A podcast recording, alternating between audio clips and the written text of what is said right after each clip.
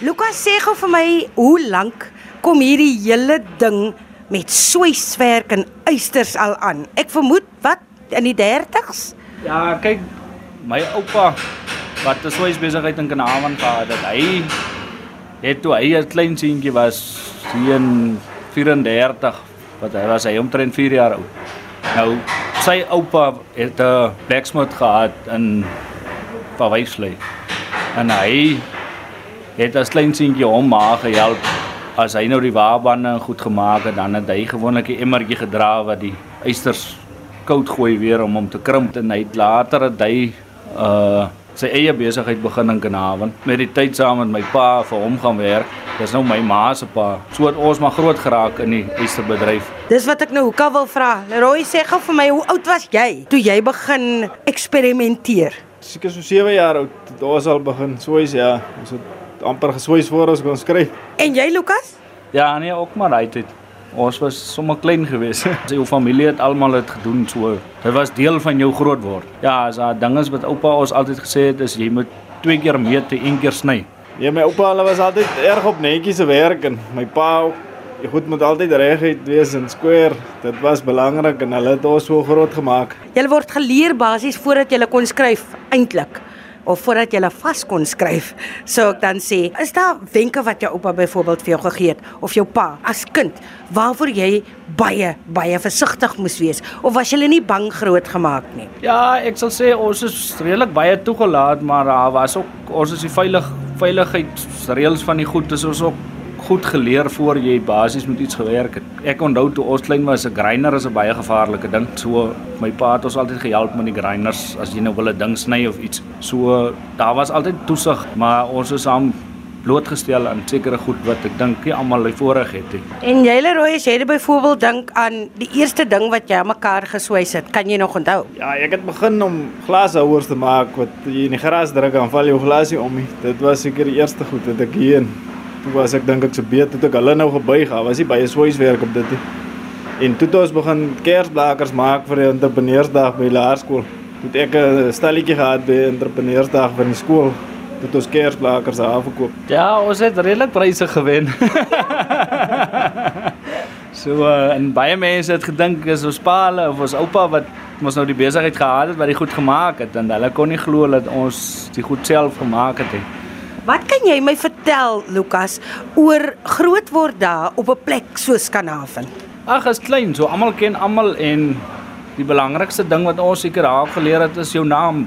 As jy 'n goeie naam het, dan vat dit jou nogal ver. So in jou werk moet jy altyd soos ons is trots op dit wat ons doen en ons kan ons naam op enigiets van dit sit sonder om te twyfel. En uh, ek dink dis baie belangrik in 'n klein dorpie. As jy 'n goeie naam het, het jy redelik alles. Kan jy iets onthou Leroy? Kyk, daai tyd was ons in die koshuis. Ons was van se pa af in die koshuis gesit. En ja, net is ook maar die koshuis het jy ook maar baie daar wil jy nie aan die koshuis wees nie aan. Slip ons uit die koshuis uit na my oupa se werk toe. Daar loop werk ons maar eerder daar en nou is besig. Dit was baie lekkerder as in die koshuis. Sou julle ooit enigiets anders doen as dit wat julle nou doen? Soos is julle lewe. Dis julle passie eintlik. Sou jy ooit enigiets anders wou doen, Lukas? Ons het redelik baie verskillende goed gedoen voor ons hier begin het. Soos ek en hy was albei in Amerika gewees en hy was 'n jaar in Australië en toe ons terugkom toe het ons net besluit ons dis wat ons hou van en dit was wat ons wil doen. Soos hy platbak wat ons nou besig is om hy nuwe bakkie op te sit.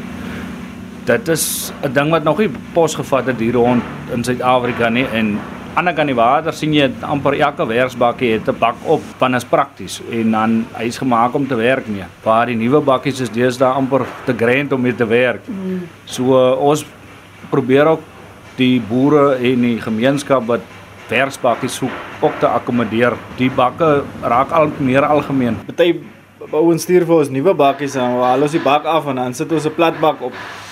Vir al die baie boere is lief vir die plat bakke want hulle lei baie meer heuningkorwe op die bakke. Hy vat baie meer. Hy kan meer skaap ook vat.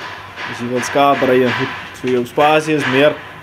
En vir varkhuisers en goed werk dit ook lekker. Jy kan pellets van die kante af oplei. So dis baie prakties. As jy nou mooi dink aan aan aan tegnieke nê. Ek weet jy dink jy's goed Lukas. en ek weet, en ek weet Leroy dink hy's goed. Wie is die kenner op watter gebied van julle twee? As ons nou praat van wat julle hier doen. Ja, dis nou eintlik 'n interessante vraag, maar ek en hy het van kleintyd af wat ek en hy altyd saam gespeel. Ons het amper nooit beklei. Soos party broers kom ons glad nie reg nie. En ek en hy het vir 'n lang tyd voor ons getroud was, dat hy saam in 'n huis gebly. So ek wil amper sê ons loop die pad nog al die pad saam en jy met baie dinge, ek wil amper sê saam aanpak. Ek ek dink ek is goed met baie keer van goed te ontwerp en so. Ek dink hy's baie goed met kliënte. Hy sê altyd ek het die geduld om met mense te werk. As ek julle moet vra, hier's so 'n rooi groot kontrepsie ding. Wat is dit?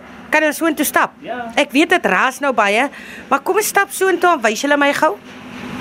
Dis nou 'n CNC plasma. Hy sny nou van die rekenaar af direk profile cutting noem ons dit nou maar. Jy teken nou die program op die rekenaar en dan sit jy die stokke in hom en dan sny hy die part vir jou uit. Waar jy in die ou dae met die hand als moes fisies ek wil amper sê sny of dit is alles geautomatiseer nou. Dit spaar baie tyd om die parte te maak. Jy kan net so 'n bietjie wegstaan dan kan hy net vir jou wys. Gaan hy 'n sirkel sny? Ja, Sjoe.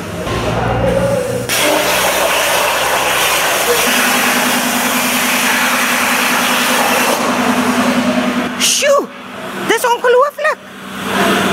Ek is so leek wanneer dit kom by die goed. Wat is die watertjies wat agterna op hom drup? Die water is maar onder vir die rook dat die, die rook nie so erg in die lug in nie. So dit vat maar die rook weg. Ons kan sny tot op 40 mil. Ons sny soos die rippertande en daai goed vir die implemente sny ons also. Het julle al 'n groot fout gemaak hier binne? Ons maak baie keer, ek wou amper sê menslike foute, maar ons het dan nog nie ongelukke oorgekom nie. So ons ons is nou wat 7 jaar wat ons nou aan die gang is en ons het nog nie regtig groot ongelukke oorgekom nie. My broer het al geval van 'n leer af en dit is omtrent dit. Ja, ek het mos nou eenmal geval met die leer, het ek 4 meter geval toe ek my rug gebreek. Toe ek 3 maande gelê in die bed. Toe ek glad nie kon werk nie. Maar ek dink alles is maar genade van bo af. Mense is maar dankbaar vir alles. Veiligheid is maar die belangrikste ding want jy werk met jou hande. So jou beste 10 tools is jou vingers. As jy nie jouself oppas nie, gaan jy nie jou werk kan doen nie. So ek dink die belangrikste is om jouself veilig te hou. Ja, ek sê altyd 'n ou wat wil werk, sal altyd werk hê. En dit geld amper in enige bedryf, nie net in ons stalbedryf nie. Hoe het julle beland op Oudtshoorn? Ons was hier in die tegniese skool op op Langhoven gimnasium. Toe was ons nou Amerika toe en so en toe hy terug of ja, ja, jy het hier Oudtshoorn toe gekom. Toe was hy kuier hy by een van sy vriende. Toe sê hy maar hier is dalk 'n geleentheid vir dalk nog staalwerkplek. En toe soek hy hier 'n gebou en hy kry toe 'n gebou en ek was hy het toe in die Parel en hy sê nee maar hy het 'n gebou gekry ons moet skuif ons wat hy begin. Toe begin ons hier met twee weldertjies ek hy alleen. Toe het ons net die helfte van die plek eers gehuur. Maar klein begin, maar ons het hard gewerk en plek het begin groei en ek dink daar was genade by. Nou. So het ons al meer uitgebrei. Weet jy wat is vir my besonder van julle storie, Lukas? Is die feit dat julle het ander goed gedoen en die wêreld gaan beleef in 'n mate. 'n Oorsee julle heil gaan soek en tog toe kom julle terug. Waarheen? Weer Karoo toe om wat te doen? Julle oupa se werk voort te sit.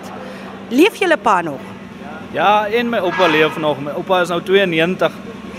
So uh, hy is eintlik 'n storie vir 'n ander dag. Jy sal hom nou geniet. Hy het nou van alles gedoen wat jy kan dink aan, het hy al gedoen in sy lewenstyd. En hy was 'n groot inspirasie dink ek ook tot ons besigheid. Dit is hoekom ons ook op ons bord, ek weet jy gesien het, daar staan klein seuns van Roy Riley Soiswerke. Dit was sy besigheid gewees destyds en toe ons nou ons besigheid begin het, ons gedink ons moet hom iets aan die ou man ook opdra. Bly hy oom Roy nou nog op Kanaven? Ja, hy en my ouma bly nog op Kanaven en dan uh, my pa hulle boer ook nog tussen Kanaven en Lockston. Julle is nou Karoo manne. Hoe het jy byvoorbeeld Australië beleef en wat het jy daar gedoen, Leroy? Ek het daar op 'n syplaas gewerk. Dit is ook maar met groot masjiene gewerk en koring geplant en so meestal graan gewerk. En ons het ook maar swaiswerk op die plaas, reparasies en goed gedoen. Maar Australië dink ek is ook lekker geweest in die opsig dat dit baie Suid-Afrika is. Jy ry aan dieselfde kant van die pad en so Amerika is meer 'n aanpassing. Daar werk hulle mos nou ander mates en goed. Hulle mos nou myle en werk nog in duime en So Australië is baie na, die klimaat is ook baie Suid-Afrika. Hulle sal eerder 'n masjien bou om 'n ding te doen as wat hulle manne arbeid gaan gebruik. In Amerika het hulle altyd 'n sê ding gehad, daar waar ons gewerk het, het hulle altyd gesê work smart, not hard. Iemand moet die harde werk ook doen. Selfs al het jy nou hierdie grand masjien, jy ken nog jou storie, né? Ja. Is daar enige drome vir julle twee? Sou julle wil hê julle kinders moet voortvat nou oupa Roy se nalatenskap voortvat? Ja, ek weet ek het nou twee dogters en uh Wow, daar Roy het nog nie kinders nie, so ons is nog nie daar so ver gedink nie. Ons sal graag iets wil agterlaat aangesien dit nou al in generasies aankom. Die eisters wat in ons bedryf of ons wat in die eisterbedryf is. Ek dink 'n man moet hom sy eie goed kan regmaak as hulle stik intussen. So jy kan hom nie hulpeloos wees nie. Soos ek gesê het, jy moet hulle wys wie's eisters. Julle is die eisters. Kyk my my sussie het wynmaker geswat in Elsenburg en toe hulle by die swysklas kom, toe moes sy die seuns leer swys. So sy kon ook self swys en uh ja, ek sal my meisie kinders ook maar leer swys. Dis niks fout met 'n vrou wat kan swys nie. Wat is die masjien? Nog 'n kontrepsie. Dis 'n buigmasjien, is ook 'n CNC masjien, so hy's ook geprogrammeer. As jy nou sê maar 1000 van een part wil buig, dan stel jy hom volgens die lengte van die plaat en die watter hoeke jy wil buig en dan hy doen eintlik maar basies al self. Jy moet net die pedal trap. Toe ons hier begin het, het ons een gebou sommer uit 'n ou grader blade in twee treinspoorstawe. En ons het 7 jaar met hom gebuig voor ons nou eintlik die ene kon bekostig. Die masjien druk so 80 ton. Genigtig. Lekker buig hy hom. Wonder hoe dit sal werk met jou vinger. Nee, vingers moet nie naby kom nie.